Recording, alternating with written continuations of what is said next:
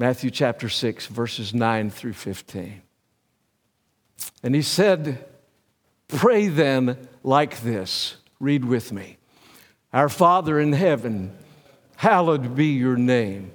Your kingdom come, your will be done on earth as it is in heaven. Give us this day our daily bread, and forgive us our debts, as we also have forgiven our debtors. And lead us not into temptation, but deliver us from evil.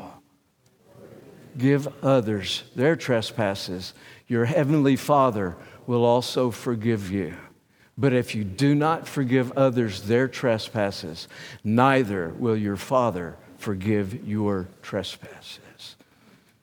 As you bow together in prayer, and I'm going to ask Jason to come and to lead us this morning in a prayer of repentance and thanksgiving as we come to the time of receiving the offering.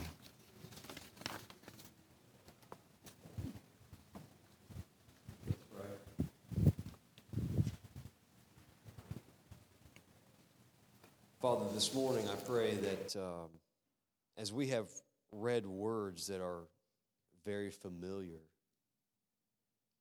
I pray, Lord, they're not forgotten. I pray they're not empty. Father, we pray this morning that your Spirit will breathe a light of illumination on these words, and Lord, that they would impact us this morning, Lord, that we would see that so often, and even in my own life, Lord, we're not praying for your will to be done, but Lord, instead we're just wanting our will to be done. Not satisfied with the bread that you provide, but wanting more of the bread that the world gives, and not forgiving others, but holding grudges, and not acting like our Savior, and loving those who don't love us. Father, thank you for this Sermon on the Mount. Lord, thank you for these this series of messages that you gave Jesus that just exposes our own self-righteousness exposes, Lord, at times of how we, we can deceive ourselves that and just be confident in ourselves to stand before you, Lord. And yet the scriptures scream that, Lord, none is righteous save the Lord Jesus Christ. And only by his blood, only by his merits, do we have access to your throne. Father, this morning, I pray you would forgive us for our sins because, Lord, they are many. We are unworthy to stand before you on our own. And our confidence is not in what we have done. Our confidence, Lord, is being clothed with the righteousness of Jesus Christ. And Father, I pray that where we lack, Lord, just the Christ likeness in our life, I pray this morning you would expose those things. Expose where the idols are. Expose where the ways of offense are. Expose, Lord, where our own selfishness is in the way. Lord, expose these things, I pray. And God, help us to be known as a people of repentance, turning away from ourselves and idols and the things of this age and having repentance towards God and faith in Jesus Christ. And so, Lord, we thank you for this message that we're about to hear. May your spirit work effectively in it and bring us all to repentance. Lord, for those who are unbelievers, I pray, God, today would be a day of salvation for them, that they would come to know Jesus Christ. And Father, with that, we do give you praise for also the, the offerings that we're about to receive. God, we thank you for the bread that you have provided. Lord, I pray that we would give sacrificially. Lord, I pray we would give joyfully. Lord, I pray that we would give for the purpose, Lord, of your kingdom Thank you, God, for the, the ministry this church is doing, God. Thank you for what we're doing, not just here in Valdosta, but even in South America and beyond and around the world. Lord, we praise you for how you're using the means of this congregation, Lord, for effective gospel work around the globe. And God, we give you praise, um, Lord, just how you're using this church family and the love demonstrated even on the Gravasio family, Lord. Thank you for Caden and bringing him here. And God, just thank you for your love for us. That while we were yet sinners, Christ died for us.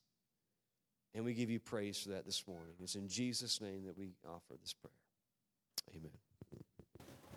Turn, please, to Matthew 6.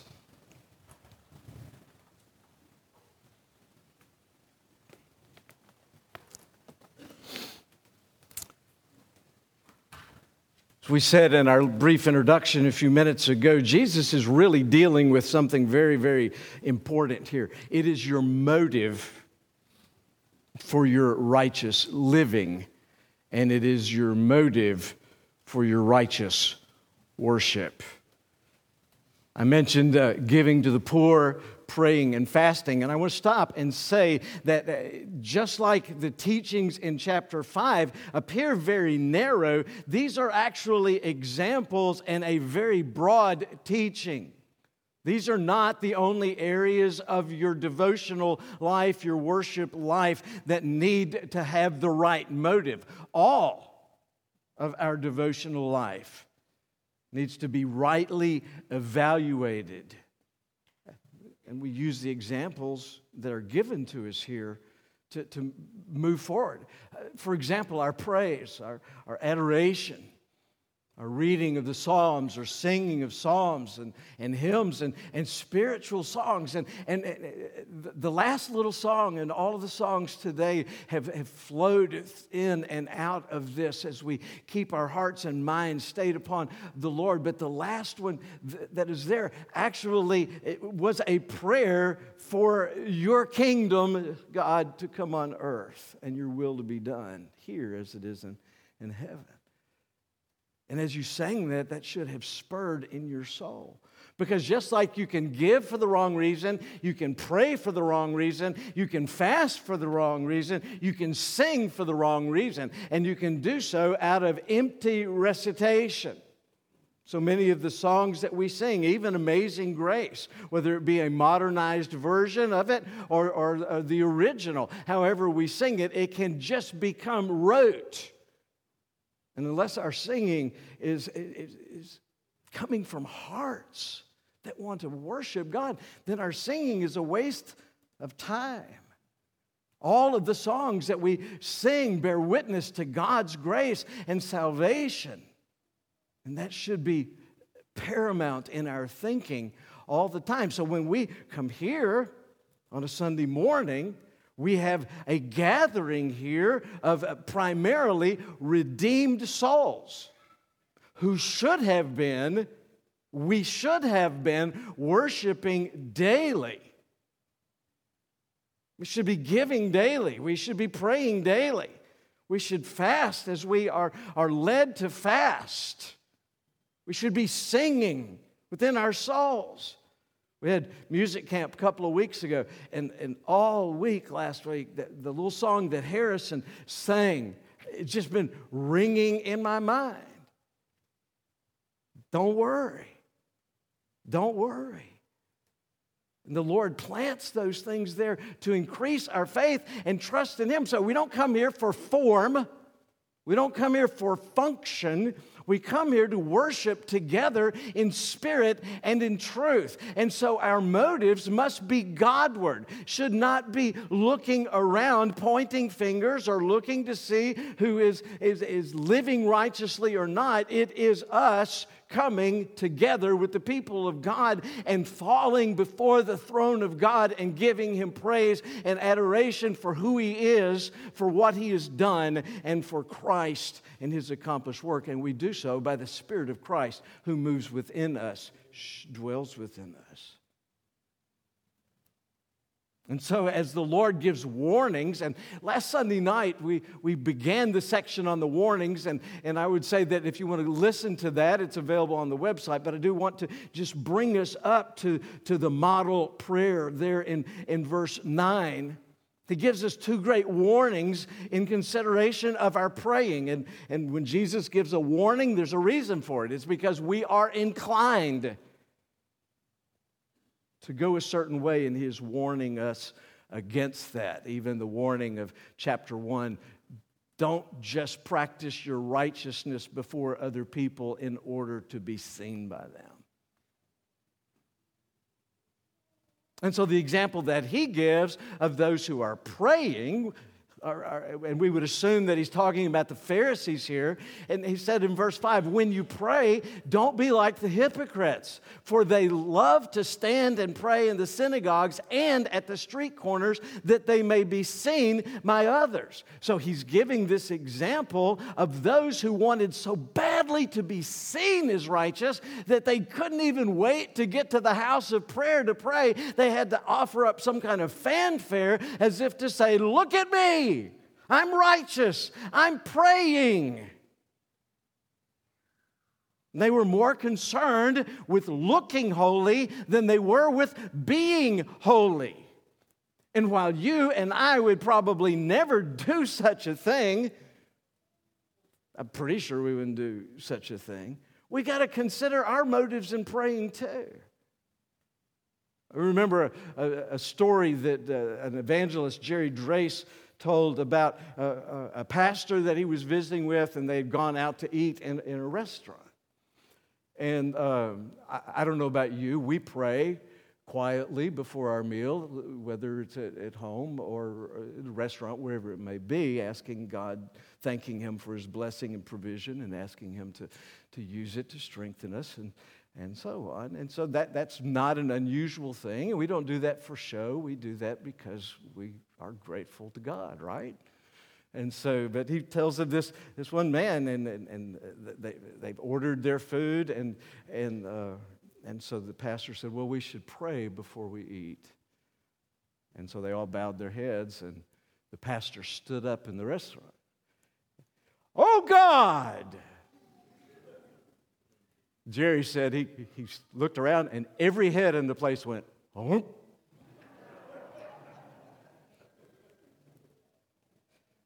Folks, we don't need to do that.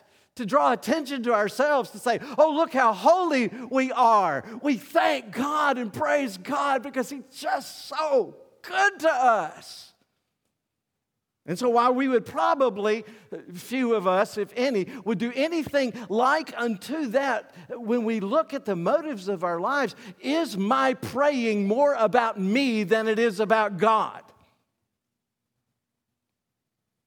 Ask yourself that question. Is my praying more about me than it is about God? Our prayers are about our wants, our prayers are about our needs. And often our prayers have no focused aim upon Him and His glory. But prayer is what? It's a conversation with God. It's just, just talking to God. And as His children, as His people, we're concerned about His will.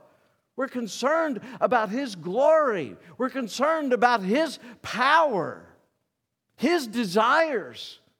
And our concern should be about ourselves in that we should desire to live lives that please Him. Yes, we make our petitions known to the Lord, but we do so seeking the Lord, and not seeking ourselves. When you and I pray with selfish motives and desiring selfish things, and we just want stuff for ourselves, the Lord isn't pleased. He doesn't hear us with favor. We might as well not pray at all. And then he gave another warning in regard to our thinking about praying. He says, Don't pile up many words, babbling on and on and on, thinking that you'll be heard because you just use so many words. I think the warning also stands to us so regimenting our prayer life where we will pray at certain times of the day and we do so very uh, uh, uh, religiously. But we think that because we pray three times a day or five times a day or whatever it may be, that God will hear us more readily than if we only prayed without ceasing. Because that's what God tells us to do. Have your entire life be in an attitude of prayer. Where can you go to get away from God? The psalmist says nowhere, right? Is God everywhere all at once? Yes or no? Therefore, you can't get away from him. You are in his presence all the time. Why then? Why then do we set aside a regimented time in which to pray and not consider him all the rest of the time? Now, I'm not suggesting that you drive along with your eyes closed, but you can certainly be talking with the Lord as you drive. You can be talking with the Lord as you are working. You can be talking with the Lord on all occasions. Our lives should be characterized as always being in an attitude of communication with the Heavenly Father. I'll tell you what, that, that will change a lot of things. If you realize that you are in the presence of the Lord and you are realizing that all of the time, do you not think it would change your attitude toward others? Do you not think it would change your language? Do you not think it would change the way you, you carry yourselves in, in front of others? Would it not increase in us a sense of humility that Christians are to be known by? The Lord is ever present, the Lord is ever listening. And so our lives should be characterized as lives of, of prayer. This is the great privilege that we have. The great privilege that we have to pray then like this Our Father in heaven. Our Father in heaven. Oh, that we could realize who He is. That is an immense blessing. You, Christian, you, disciple of Jesus, you, follower of Christ, may approach the God of heaven and call him Father. The Greek word there is pater, and it probably is translating the Aramaic word that we are more familiar with, Abba, Father. That's an intimate term for God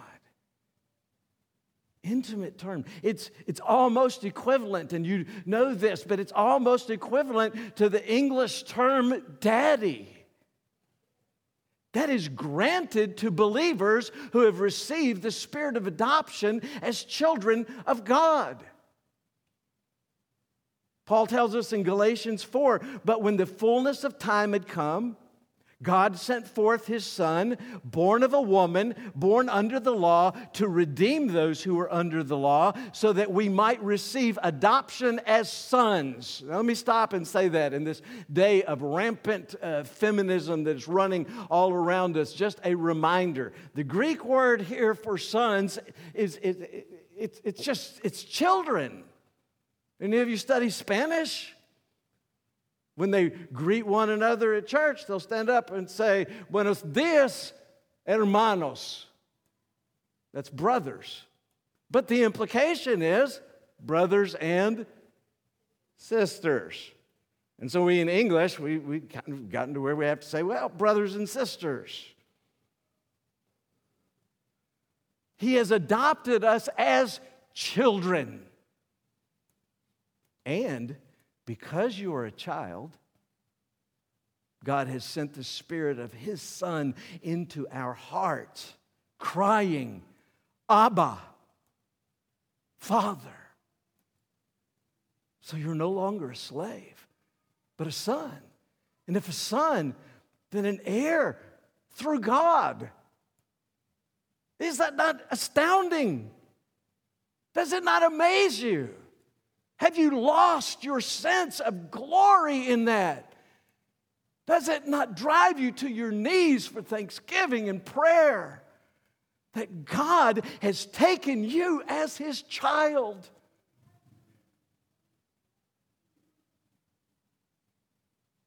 And so, as Christians, because we can call Him Father, He is the most accessible, loving, parent there is. He is more accessible than our human parents because He is always there. Parents, think of your children. Perhaps they are young, or perhaps you remember when they were young. Those of us who are older, think of your grandchildren. You know what they need, you know what they want. They don't have to ask. A little newborn baby going, wah, wah, wants one of two things, three things. Wants to be held, wants to have a diaper changed, wants to be fed. You know that need, and yet to hear that cry lets you know that the child is crying out to you. As they get older, how beautiful is it when your children come and say, Daddy, talk to me. And if you're sitting there and you're reading or you're doing this number on your phone or whatever, and your child or your grandchild comes over and, and they say, Talk to me, and you ignore them, talk to me, and you ignore them, and they will just take your face and they will go, Talk to me. Well, we have the opposite problem. We have a father who is always there, always listening, can't be too busy, can't be preoccupied, who is always ready, but we do not come to him and say, Father. It's the greatest wasted resource that we have, this, this prayer life. It's the weakest area. I'm too busy to pray. I prayed that once already. God already knows what I need. I don't need to ask. And yet, He wants us to ask Him. We have permission and are encouraged to make our requests known to the God of heaven. Jesus said, When you pray, pray like this Our Father in heaven.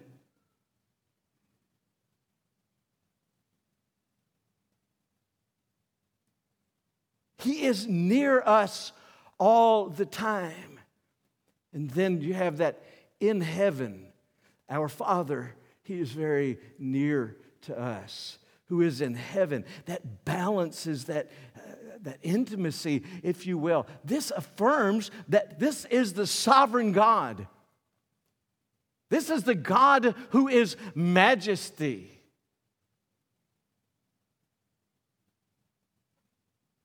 And once again, we should just be astounded.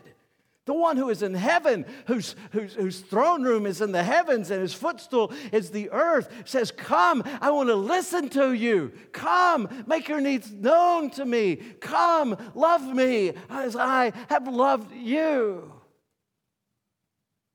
That just, it just magnifies our blessed state. Because if you are not in Christ, the Father does not hear your prayers with favor.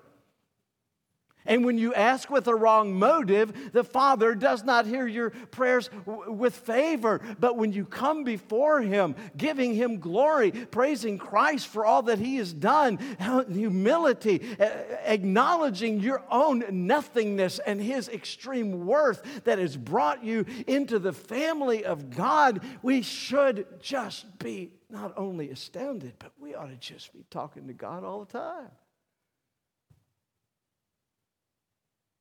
And so, as Jesus addressed God as Father, so we may, as children and heirs through Christ. You might notice that throughout uh, the, the, whole model prayer here, uh, uh, that use of the first person plural pronouns, our fathers, forgive us as we have forgiven. This is throughout. This is, this is a, a, a plural pronouns. And they remind us that our praying ought to reflect this, this corporate unity that we have in our church. Our praying ought to uh, reflect the corporate desires for, for holiness and godliness in a lost world. It's a reflection of, of this church. It, it, ought to be a reflection of the needs within the church. Yes, physical needs, but our spiritual needs. The intimacy that, the Christ, that Christians have with the Heavenly Father is a corporate blessing as well. It's also balanced there in verse 9 where it says, Our Father in heaven, hallowed be your name. That balances, again, this intimacy that we have with Him because uh, the name refers to God's character. It is His person, it is His absolute authority. And all that God stands for should be treated as holy and honored because He is perfect. He is good. No one is good but God. And then that one little statement we've got the transcendence of God, the otherness of the holy, sinless God, and His immanence as the one who has made us, who sustained us, who is our Savior, who is our Father.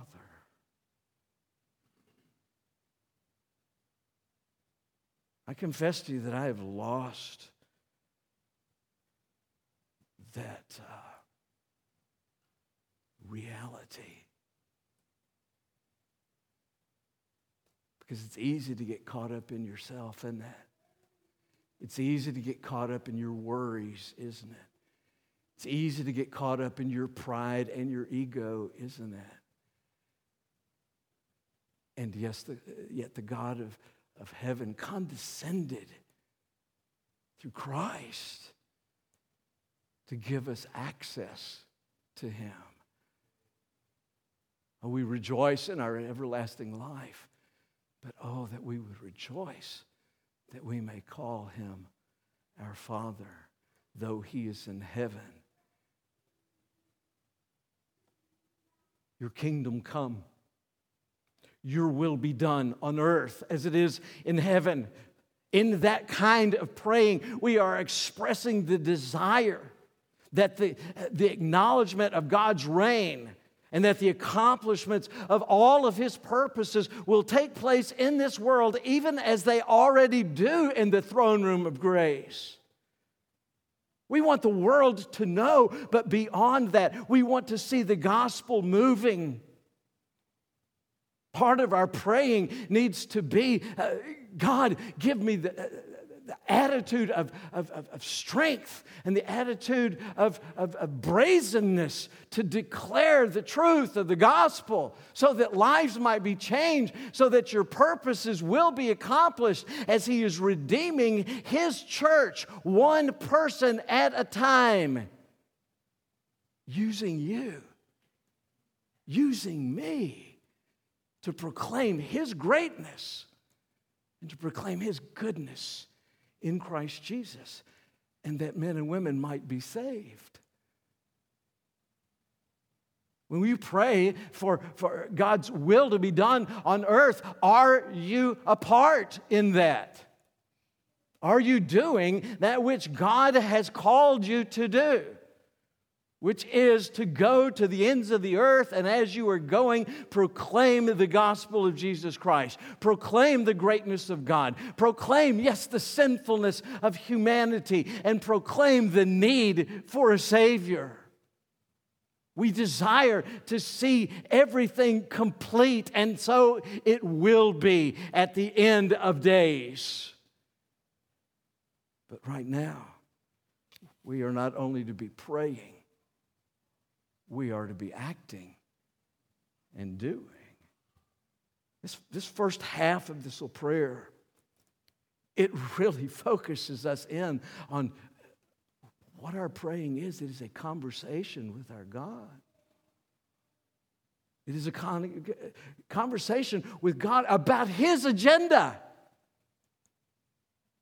And it, it, it's not precluded that you, you, you, of course, you can go to Him with your needs, but you desire Him to meet your needs according to His wishes, according to His wills, according to His ways.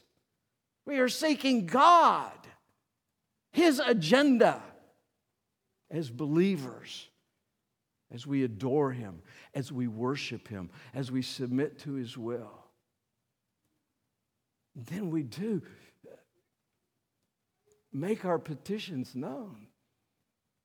Again, seeking His will and His glory. And we should pray for our daily provision. Give us this day our daily bread. The provisions of life are essential for us to live and to move and to be the people of God and to act accordingly. But we've got to stop and recognize that all sustenance for life comes from God.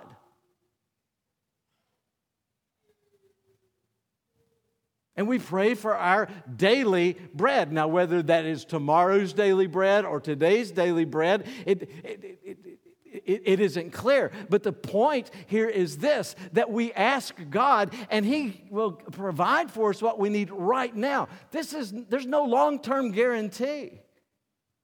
You don't have a long term guarantee that you will be living tomorrow. Sufficient to have your needs met today. Our Heavenly Father will provide for all of our needs. Paul said it well in Philippians 4:19, and my God will supply every need of yours according to his riches and glory in Christ Jesus.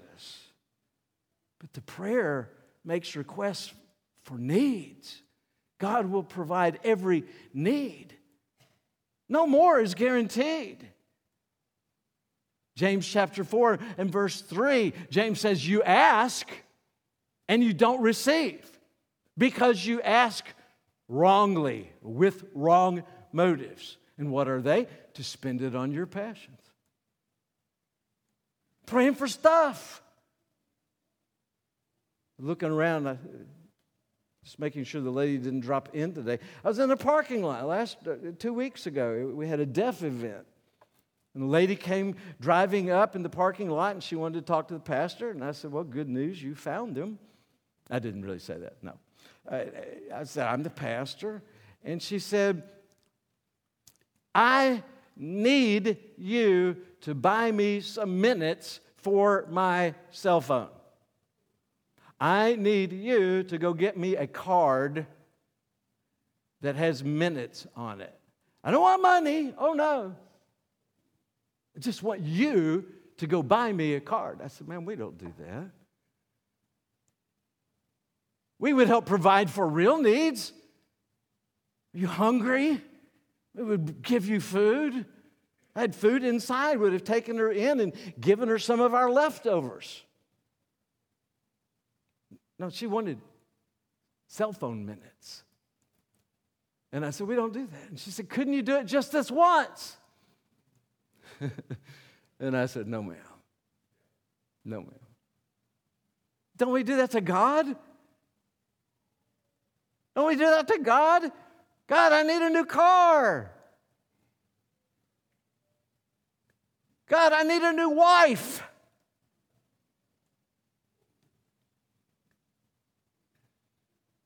God said, keep the old one car and wife. Fix up the car, I'll fix up your wife. I should have said husband, that way I won't be in that big of trouble a little bit later on. But we, we see God as a vending machine, and he's, Jesus says, Ask Him for that which you need. And as a good father, He will provide for all of your needs spiritually, emotionally, physically as well. But not every want, not every whim, not every greedy desire, not every passion, the needs of the day. It should be sufficient for us. And at the end of the day, we should praise Him and thank Him for having provided for that day. Then Jesus says, and forgive us our debts Notice it is a model prayer. It is not the Lord praying this, so therefore I don't think it's the Lord's prayer. I think it is a model prayer for us. Forgive us our debts. That renders the Greek out literally. And I believe that spiritual debts to God are, first of all, in view here. The plea is for continued forgiveness as believers requesting the restoration of fellowship with God. And, and that comes when sin is, is, is forgiven. Look at verses 14 and 15 in our text.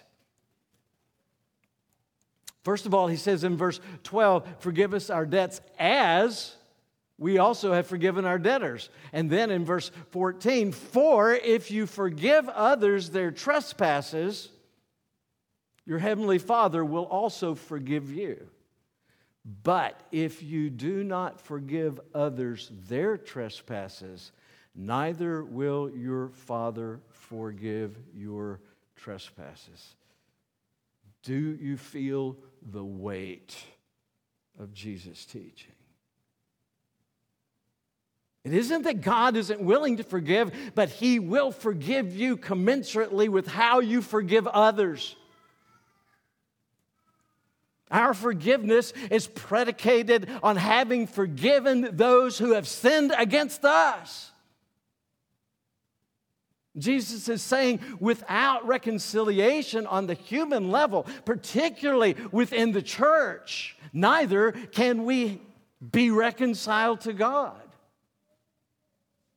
If I withhold my forgiveness from a brother or a sister, then I do not resemble my Savior, whose life I possess, whose life I reflect. Did we not sing about how Christ stepped out of glory and went to a bloody cross for me? And there on the cross, he cried out, Father, Abba, Forgive them. For they know not what they do.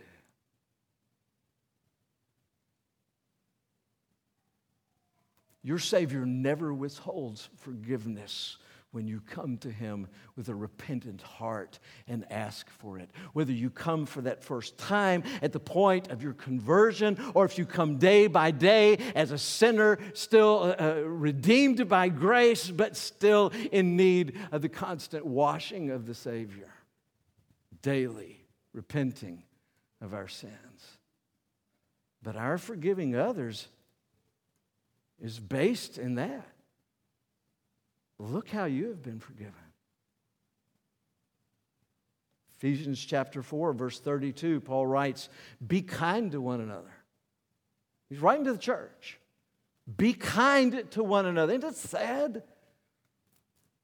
You got to write to the church to tell people to be kind to one another, to tell them to be tenderhearted, to tell them to forgive one another. And here is the standard as God in Christ forgave you. Jesus talks a lot about this forgiveness. Have you noticed that? It just keeps coming up and coming up and coming up. And it is because he is saying you cannot walk in fellowship with God if you refuse to forgive others. Doesn't mean that you have lost your salvation. It means that you are not in a right daily fellowship with God. You wonder why your prayer life is anemic? You say, Pastor, I would love to pray more, but when I go, it's just like my prayers don't get any higher than this. What's the motive behind your praying? And what are you withholding from another? Are you withholding forgiveness? You feel your spiritual life withering away? Then look within yourself. Are you withholding forgiveness? And, and folks, it can be a generational thing. Some are withholding forgiveness from parents that are long since dead. Some are withholding forgiveness for events that have taken place decades ago. And then we wonder why is my spiritual life withering? Why is my Christian walk decaying? I said Jesus talks a lot about this back in, in chapter 5, verse 23 24. If you come to church, it's not what he says. This is the, the, the David Cummings paraphrasal. If you're offering your gift at the altar at church, you brought your offering, you brought your everything that you need, you've got Bible in hand, you, you look good, you smell good, and all of those things, and you've come and you have this offering to give. And then all of a sudden the Spirit of God convicts you. Your brother has something against you. We talked about this some weeks ago, but it, it, it, here it comes again. Notice it doesn't say you remember that you have something against your brother you remember that your brother has something against you, brother or sister. And Jesus says, Stop right there, leave your gift, and go. Then be reconciled to your brother, and then come offer your gift. This is standing in way of your worship life. This is standing in the way of your prayer life. It is standing in the way of your devotional life. And your spiritual life is withering. Be reconciled. Be reconciled. Paul says to the church in Rome, Romans chapter 12, if possible,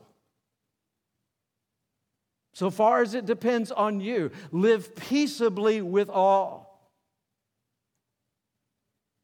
Beloved, never avenge yourselves, but leave it to the wrath of God. For it is written, Vengeance is mine, I will repay, says the Lord. To the contrary, if your enemy is hungry, feed him. If he is thirsty, give him something to drink. For by so doing, you will heap burning coals on his head. Why? Why? Because you are showing him Christ. You're showing him humility. You're showing him care, compassion, and love. And he expects you to show him hatred and a, and, and, and a clenched fist and clenched teeth and you're showing him compassion and love.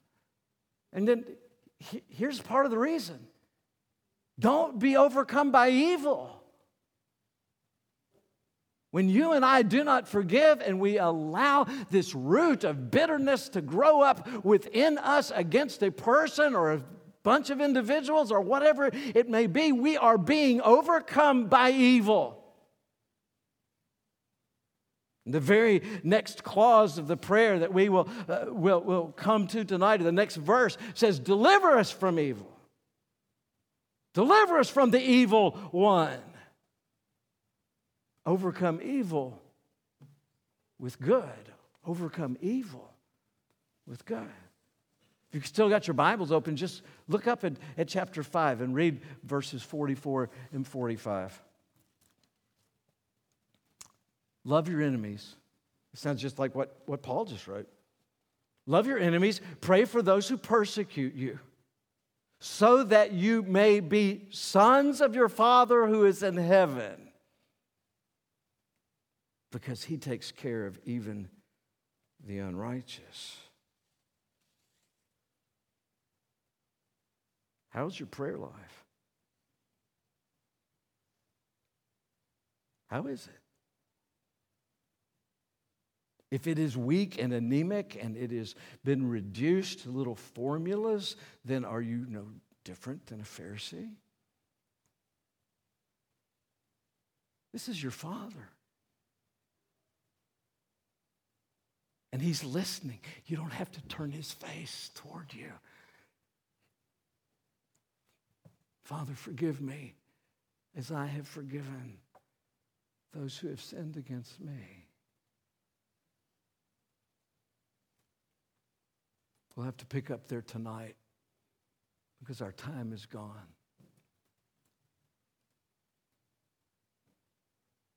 But I would call upon each one of us to look to our prayer life.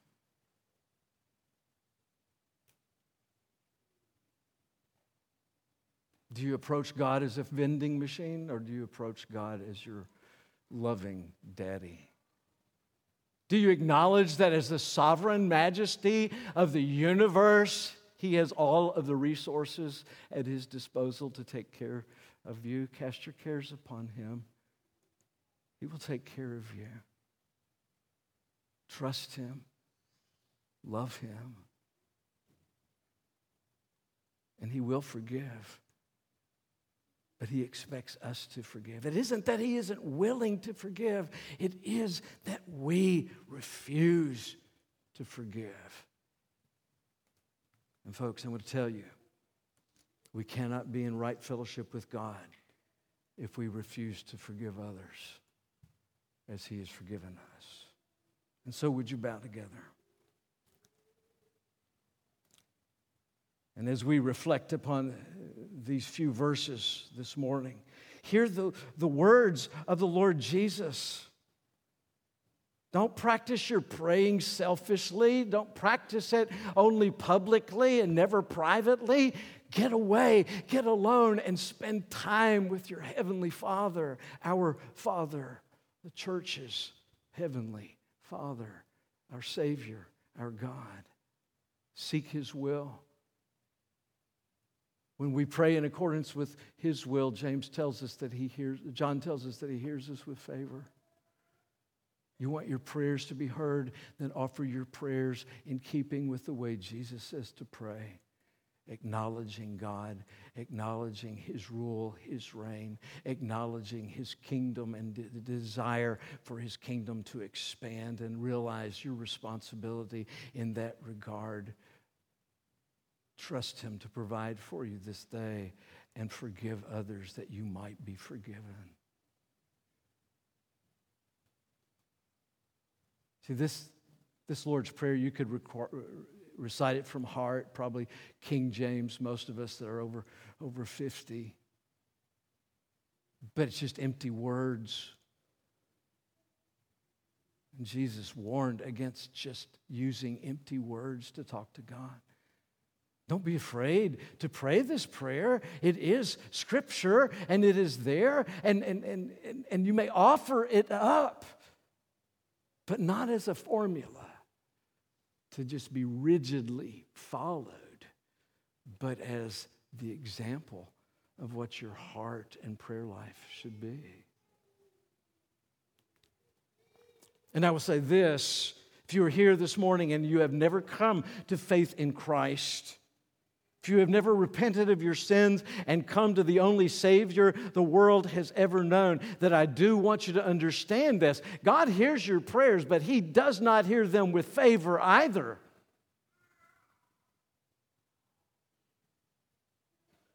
The prayer He desires from you is God, be merciful to me, a sinner. God, save me. God, help me. Wouldn't you like to have the God of heaven as your daddy? We can help you understand what that means. If you would rise up even now, walk through the doors that are just opposite of me to, to toward the, uh, the street out there, there's someone waiting there who would talk with you about your need for a Savior.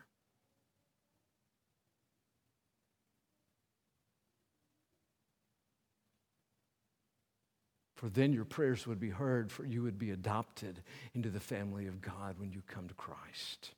That is our great desire for you. And as our brother prayed earlier, that today is the day of salvation. And so, God, I pray that as you have spoken, we will listen.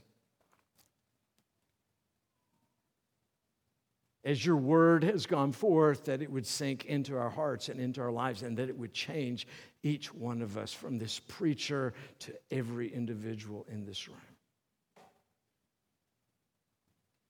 That we would live in accordance of that great calling that we received holiness, godliness, more and more being conformed to the image of our beloved Savior, the very Son of God, Jesus Christ.